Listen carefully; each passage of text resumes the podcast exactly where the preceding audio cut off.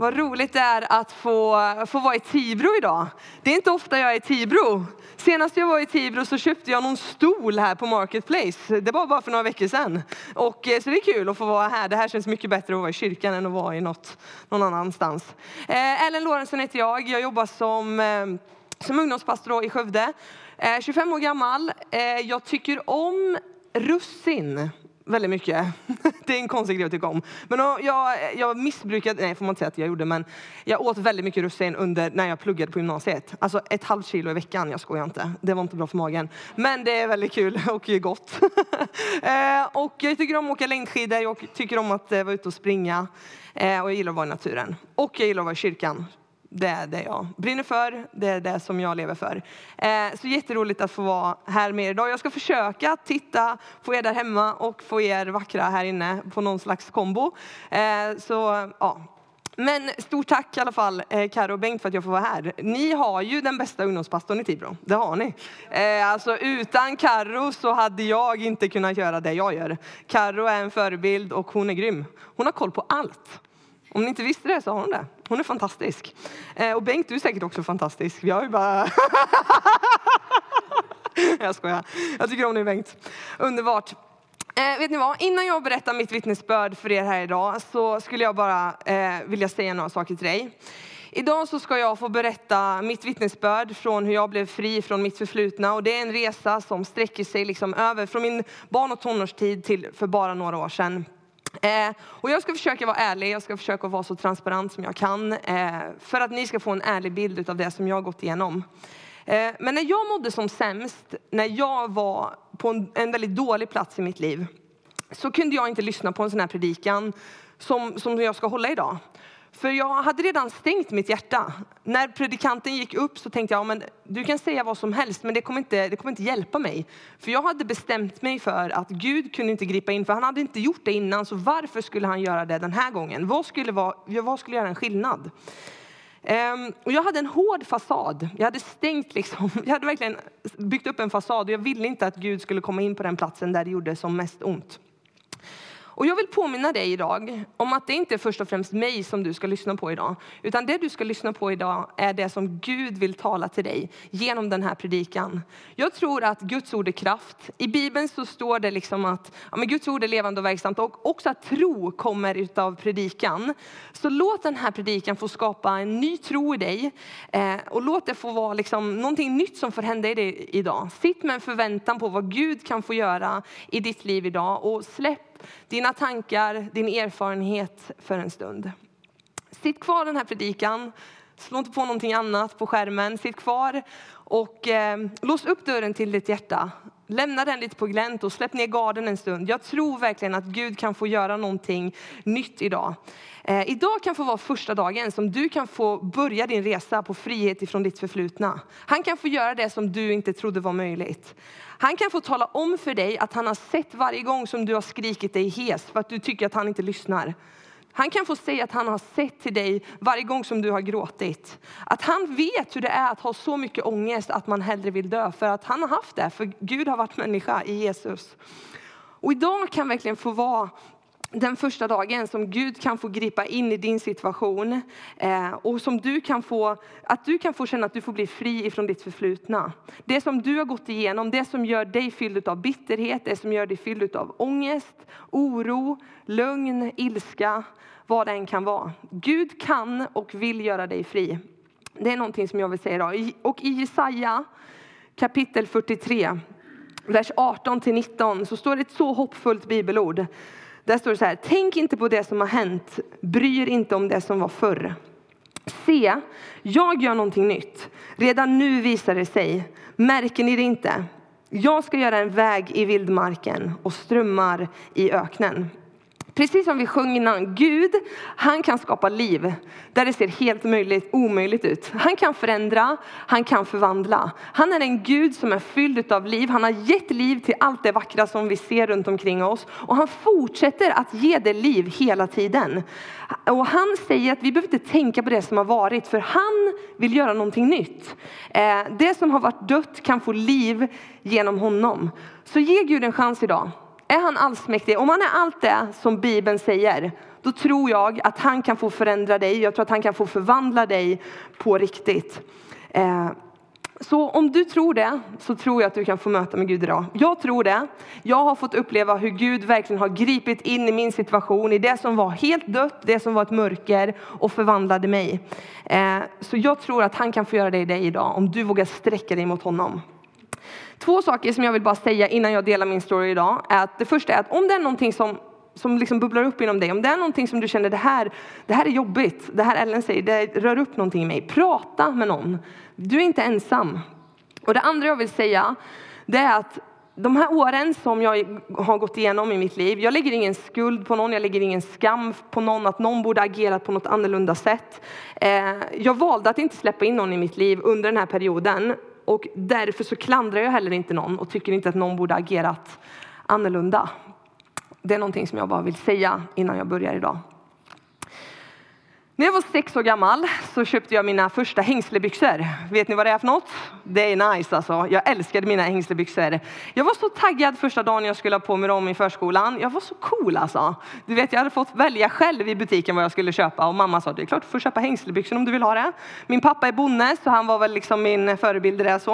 Eh, och eh, jag minns den här dagen så tydligt när jag kommer till förskolan, hade på mig mina hängslebyxor och det första jag gör när jag kommer in i liksom lekrummet där så är det en av killarna som tittar på mig lite skeptiskt och så säger han så här, har du arbetsbyxor på dig? Vad fult! Du ser tjock ut. Sex år gammal var jag när jag för första gången insåg att det fanns fint och fult och tjockt och smalt. Och innan hade jag aldrig ens, den tanken hade aldrig slått mig innan. Men där föddes den tanken, eller kanske en fråga egentligen inom mig. Är jag tjock? När jag var nio år så kom jag in i puberteten ganska tidigt då med allt vad det, vad det innebar. Jag utvecklades tidigt och jag var på lite undersökningar kring det här. Eh, jag fick liksom bröst och mens tidigt och jag fick väldigt mycket finnar och eh, på de här undersökningarna så var det alltid några saker som kom upp. Ja, du kanske bara ska ta en portion mat. Du kanske bara mm, Eh, ska ta en ostskiva, motionerar du någonting? Promenader är ju ganska bra sådär och eh, har ni mycket fett i maten hemma och bla bla bla, sådana där saker. Och jag var ju nio år så många gånger gick ju diskussionen över mitt huvud men jag förstod alltid vad som hände mellan min mamma och läkaren. Att jag förstod att jag var annorlunda, att jag var tjock och det var någonting som tydligen inte var bra. Och från nio års ålder så började jag titta på mig själv i spegeln och identifiera mig som tjock. Jag gillade inte vad jag såg, jag var lång, jag var större än många andra och jag visste inte riktigt vart passar jag in någonstans. Och 13 år gammal, tonåren, woo, så började jag på Stöpenskolan i Stöpen. Eh, ganska givet, Stöpenskolan i Stöpen. Men, eh, ja. Och jag inser ganska snart att, att min vikt, liksom, det är någonting som jag, jag måste lösa det. Vad jag såg var en, en lång tjock tjej som var omringad av massa andra snygga, smala, perfekt sminkade tjejer. Eh, och det här gjorde att jag tog ett beslut. Ett dåligt beslut, men jag tog ett beslut. Och det var att jag tänkte att jag behöver gå ner i vikt.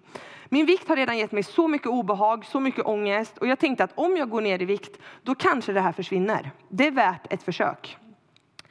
Om du frågade mig under den här tiden om jag led av ångest, om jag led av ätstörningar, så hade jag nog sagt nej. För att jag visste inte vad det var som hände på insidan. Men det jag märkte var att ibland gjorde det så ont att det enda jag kunde göra var att ställa mig och skrika rätt ut. Ibland så gick det så långt att jag ville skära mig för att jag visste inte vad som hände på insidan. Det gjorde så ont och för att på något sätt dämpa den här ondskan som hände på insidan så tänkte jag att ja, men det kanske är det som jag ska göra. Jag gjorde det aldrig, men det var nära. Problemet var att den enda sanning som jag hade om mig själv var att jag var ful. Eh, och jag kanske var lite rolig och sådär. Det kanske var det som gjorde liksom att människor ville vara med mig. Eh, och jag tänkte att det var min räddning för att folk överhuvudtaget skulle vilja vara med mig. Så 13 år gammal började jag dra ner successivt på kolhydrater och jag började träna mer regelbundet. Jag vägde 75 kilo då tror jag. Så det var ju liksom inte så att någon tittade på mig och tänkte att det var dåligt att jag började träna eller att jag började liksom eh, äta nyttigt för att det är ju hälsosamt. Men det var ingen som visste vad som hände här inne. Och eh, jag började kontrollera det jag kunde kontrollera eh, för att få någon slags ordning liksom, på min ångest. Ehm, eh, jag Ja, jag försökte liksom att kontrollera skolan, för det var det jag kunde kontrollera. Där kunde jag kontrollera resultatet och vad som hände. Eh, och jag satte en, upp en fasad, en stenhård fasad, om att allt är bra. Och jag mår bra. Och jag blev clownen Ellen, den roliga liksom i klassen, för att ingen skulle få se hur dåligt jag mådde. Och det spelade ingen roll om någon frågade mig hur jag mådde. Det spelade ingen roll om någon försökte liksom att komma in liksom i fasaden, för att jag ville inte det. För tänk om någon kommer in, tänk om någon förstår vad som händer här inne. Då kommer ju allt falla. Och då kommer de se hur trasig jag är. Mina fasader, mitt beteende och hur jag levde, det gjorde att min ångest växte ännu mer. Jag mådde sämre och sämre och eh, jag hatade mig själv. Jag hatade det jag såg framför spegeln och jag levde i ett, i ett konstant självhat mot mig själv. Och där någonstans kom gymnasiet som ett brev på posten. Ehm, jag skaffade gymkort och jag började följa massa konton på Instagram, träningskonton, så här, äh, inspirationskonton till att man ska börja träna och gå ner i vikt. Och det bekräftade ju redan det jag visste, att jag måste gå ner i vikt. Jag måste ändra på hur jag ser ut, annars kommer jag aldrig få en kille och jag kommer aldrig få ett jobb. Vem vill ha det här? Det tänkte jag seriöst. Jag tränade sex dagar i veckan och på den sjunde dagen gjorde jag inte som Gud och vilade, utan jag gick en hetsig promenad. Jag hade googlat upp hur många kalorier jag kunde äta för att precis klara att gå runt med, liksom. och, eh, ja, och jag gick in i något slags svältläge eh, där jag ständigt frös och mådde jättedåligt. Ehm, och allting som hade liksom, ja, men potatis, pasta, ris, allt som är gott, läsk, godis, sötsaker, allt sånt där. Jag tänkte att det var gift, jag kunde inte äta det. Och det gjorde att min ångest bara växte ännu mer. Det enda jag kunde äta utan att få ångest var liksom typ protein, frukt, grönsaker och min frukost som var havregrynsgröt. Det var det enda jag kunde äta. Och på utsidan så minskade jag i kilon, men på insidan så växte ett självhat som var okontrollerbart. Och en, min ångest verkligen, den, den växte. Och så där höll jag på. Och det värsta av allt var att någonstans djupt där inne så ville jag bli fri. Jag ville inte må så här, men hur blir man av med någonting som något sånt här? Det här är ju min sanning, eller? Är det här min verklighet? Och även om jag på något sätt så här, ah, kunde kontrollera hur jag mådde genom att ha en sjuklig kontroll på, på allt det här så kände jag mig så uppgiven i att är det här mitt liv? Um, och för, så fort jag gick ifrån det här lilla mönstret som jag hade skapat då blev det ju så att ångesten växte ännu mer. Eh, och jag behövde kompensera det genom att äta mindre och träna mer. Och jag hade inget hopp. Jag hade inget hopp om att jag skulle bli fri från det här. Det här var den sanning som jag trodde gällde för mig. Och så där höll jag på. Och när man går igenom en sån här period i sitt liv så, så tänker man ju så här, vart är Gud någonstans? Vad gör han? För mig så var det självklart att, att Gud, han finns. Och jag trodde på honom. Jag hade kvar min tro på Gud under hela den här resan. Men det som blev en konflikt i mig var att hur kan jag läsa i min bibel att Gud älskar mig precis som jag är? Hur kan jag sjunga sånger om att jag är underbart skapad när jag inte känner det på insidan. Um, och vad är grejen? Jag ville liksom att det skulle vara äkta. Jag ville att det skulle vara en skillnad på att leva tillsammans med Gud och att inte göra det. Uh, och jag ville se, liksom, jag önskade att Gud skulle göra en skillnad i mitt liv, men jag visste inte hur. För varje gång som någon talade om att, ja, men att vi har ett ovärderligt värde, att Gud älskar oss precis som vi är, att vi är underbart skapade. Varje gång som det kom upp så tänkte jag så här, ja men det gäller alla andra i det här rummet. Men det gäller inte mig. Men våren 2015, eh, våren innan jag skulle ta studenten, så tänkte jag så här att nu har jag fått nog. Jag orkar inte mer. Och jag ville ha en förändring. Och i Jakobs brev i Bibeln, kapitel 3, vers 9-11, så står det så här. Med den välsignar vi Herren och Fadern och med den förbannar vi människor som är skapade till Guds avbild. Från samma mun kommer välsignelse och förbannelse. Så får det inte vara, mina bröder. En källa kan väl inte från samma åder ge både sött och bittert vatten? Det här var mitt problem. Ur min mun så kom så mycket förbannelse över mig, Guds avbild. Vem är jag egentligen att säga att det Gud skapat är fult? I Saltaren 139 och 14 så står det att jag tackar dig för att jag är så underbart skapad. Underbar är dina verk. Min själ vet det så väl. Jag visste inte det här, men jag längtade så efter att få känna det. Både för att kunna älska mig själv, men också för att kunna älska de människor som jag hade runt omkring mig i mitt liv. För att mina relationer, de, de led av det här självskadebeteende som jag levde i. Så den sommaren efter studenten så, så, påbörjade jag min resa mot frihet. Jag fick tag i en bok eh, som heter Brinnande för Gud. Och jag läste den och min bibel dagligen. Jag skrev i mitt anteckningsblock febrilt liksom varenda bibelord som talade till mig. Och jag fick en sån längtan efter att få se en förändring i mitt liv. För om Gud är på riktigt, då vill jag verkligen leva med honom på riktigt. Då vill jag kunna säga det. Jag tackar dig för att jag är så underbart skapad. Underbara är dina verk, min själ vet det så väl. Och menar det med hela mitt hjärta. Men jag hade ingen aning. Jag hade absolut ingen aning om hur det skulle gå till. Men det jag visste var att det står i Guds ord, där man lärt sig att Jesus han är vägen, han är sanningen och han är livet. Och om Jesus är sanning, om Gud är sanning, då ska jag börja lyssna på den sanningen. Oavsett vad min hjärna säger eller vad mitt hjärta säger. Så den sommaren så började jag göra en sak som förändrade mitt liv. Jag började svälta lögnen som jag hade gjort till en sanning om mig själv och började istället att mata mig själv med Guds sanning. Och det var jobbigt. Det var det absolut jobbigaste jag någonsin gjort. Eh, det var något helt nytt, men det behövdes för att jag skulle kunna börja uppleva frihet. Jag började tala liv istället för död. Jag började säga ord som ledde mig in i frihet istället för ångest. Jag sa till mig själv varje gång jag skulle äta att du kan äta allt Ellen. Och eh, varje gång jag skulle träna så intalade jag mig själv att jag kan göra det här för att det är kul. Jag behöver faktiskt inte gå ner i vikt. Eh, och varje gång jag stod framför spegeln så fick jag tysta de röster som ville slås emot mig när jag såg mig själv i spegeln och bara ställa mig och titta mig in i spegeln och säga så här att du är okej okay, Ellen, Gud älskar dig. Och det här var jobbigt. Det var det absolut jobbigaste jag någonsin gjort i hela mitt liv. Träningen och maten var ju ett slags missbruk som jag hade för att minska min ångest. Och att ändra synen på det, det är skitsvårt det, så får man säga, men det var verkligen svårt. Att någonting du missbrukat så länge ska helt plötsligt bli någonting du kan hantera dagligen. Eh, för att du måste äta och du måste röra på dig för att kunna må bra. Det där var jobbigt. Men med Guds hjälp så började jag se en förvandling, ett steg i taget. Jag började vara snäll mot mig själv och började försiktigt att se på mig själv med, med Guds ögon istället för mina egna.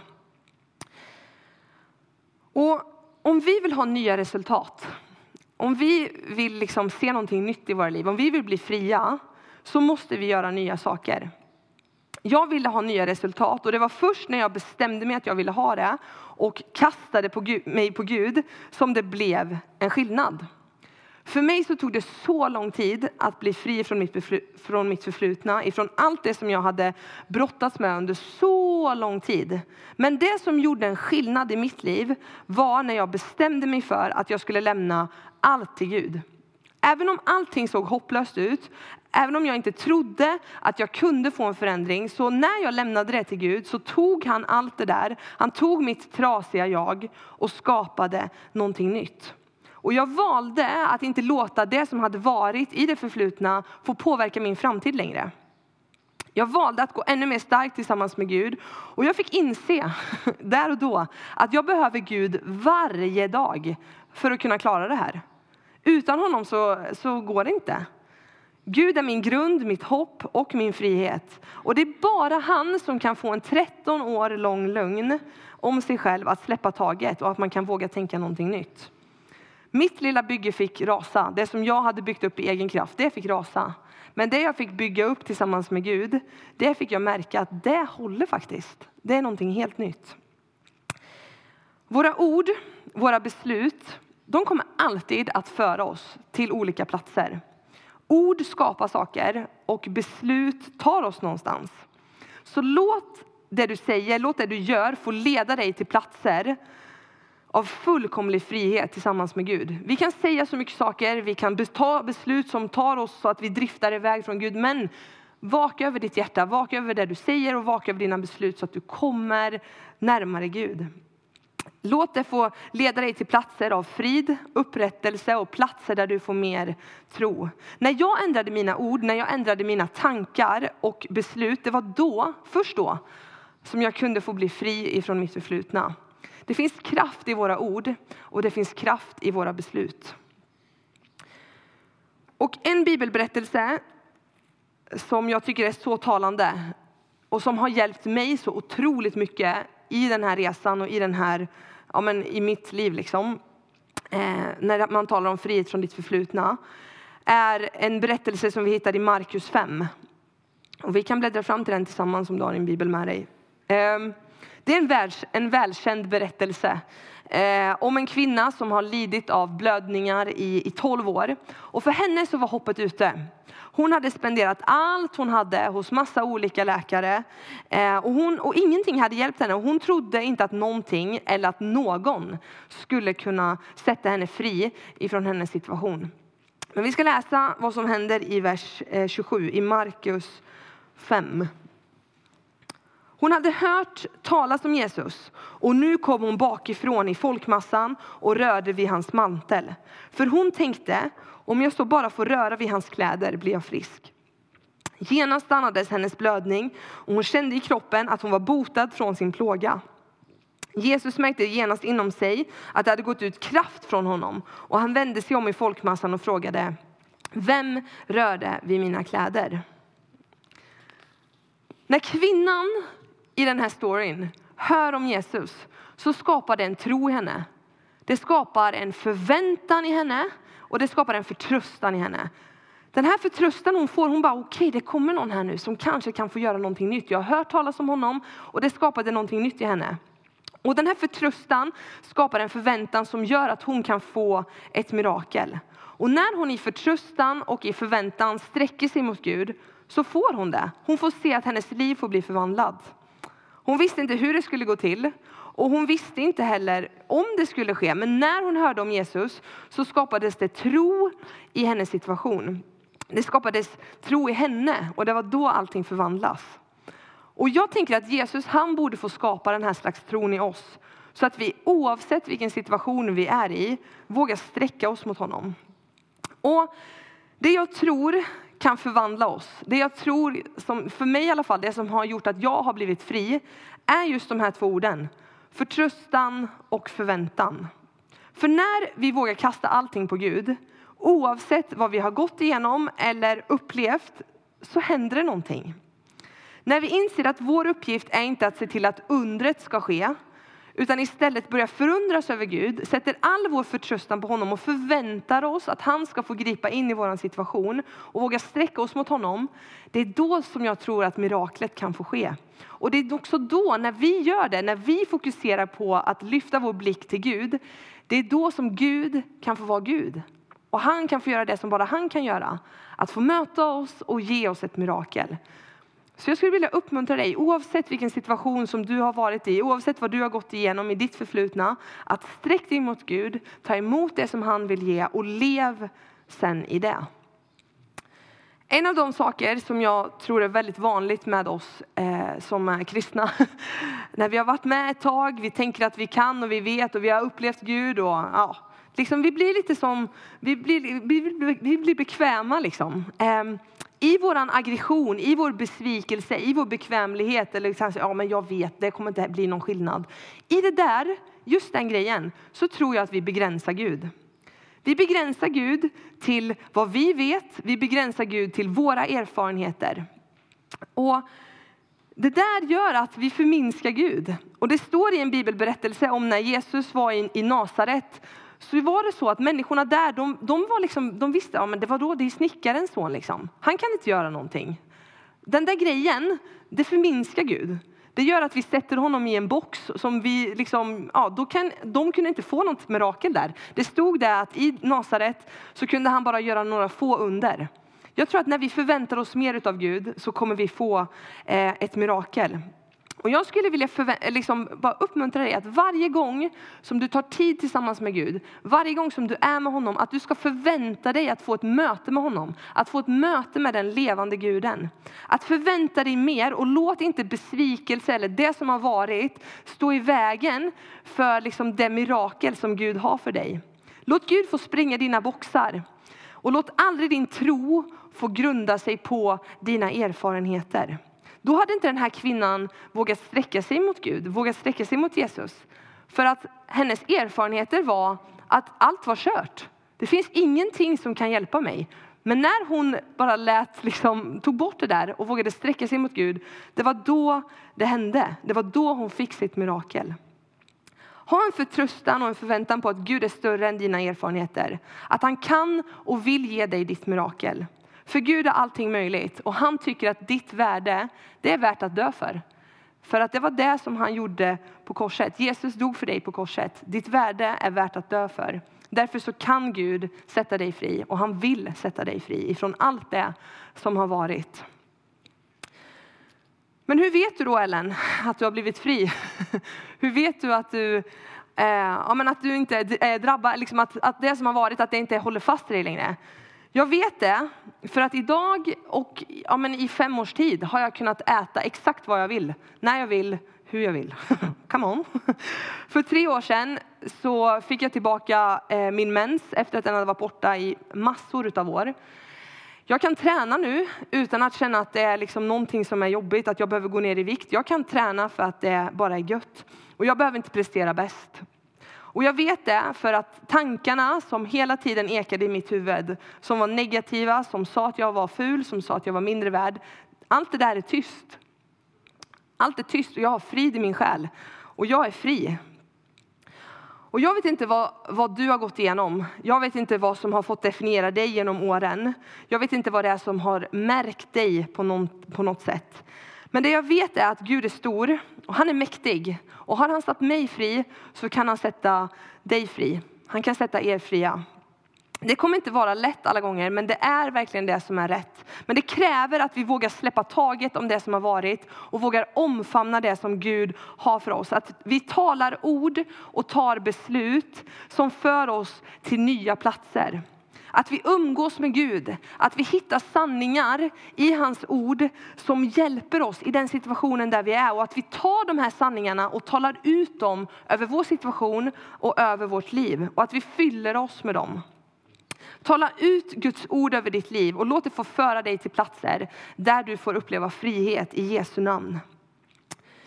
I Jesaja 43, vers 18-19 så står det just detta. Tänk inte på det som har hänt. Bry er inte om det som var förr. Se, jag gör någonting nytt. Redan nu visar det sig. Märker ni det inte? Jag ska göra en väg i vildmarken och strömmar i öknen. Gud vill göra någonting nytt i dig. Gud vill göra någonting nytt. Frågan är om du vill ta emot det.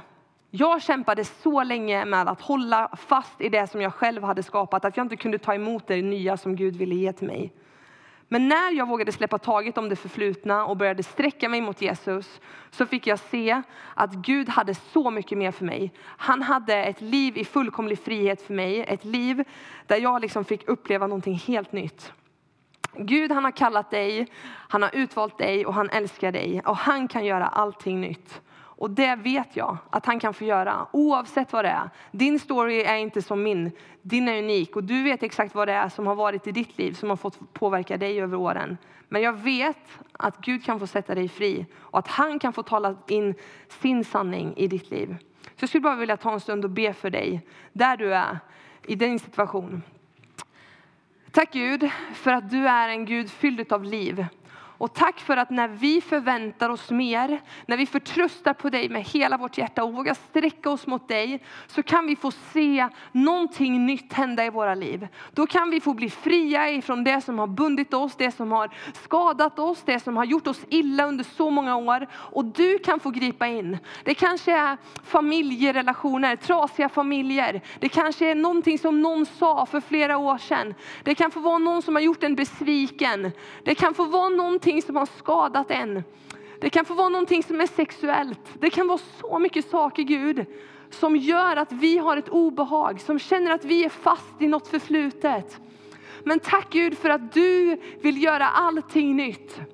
Tack för att du vill göra strömmar i öknen.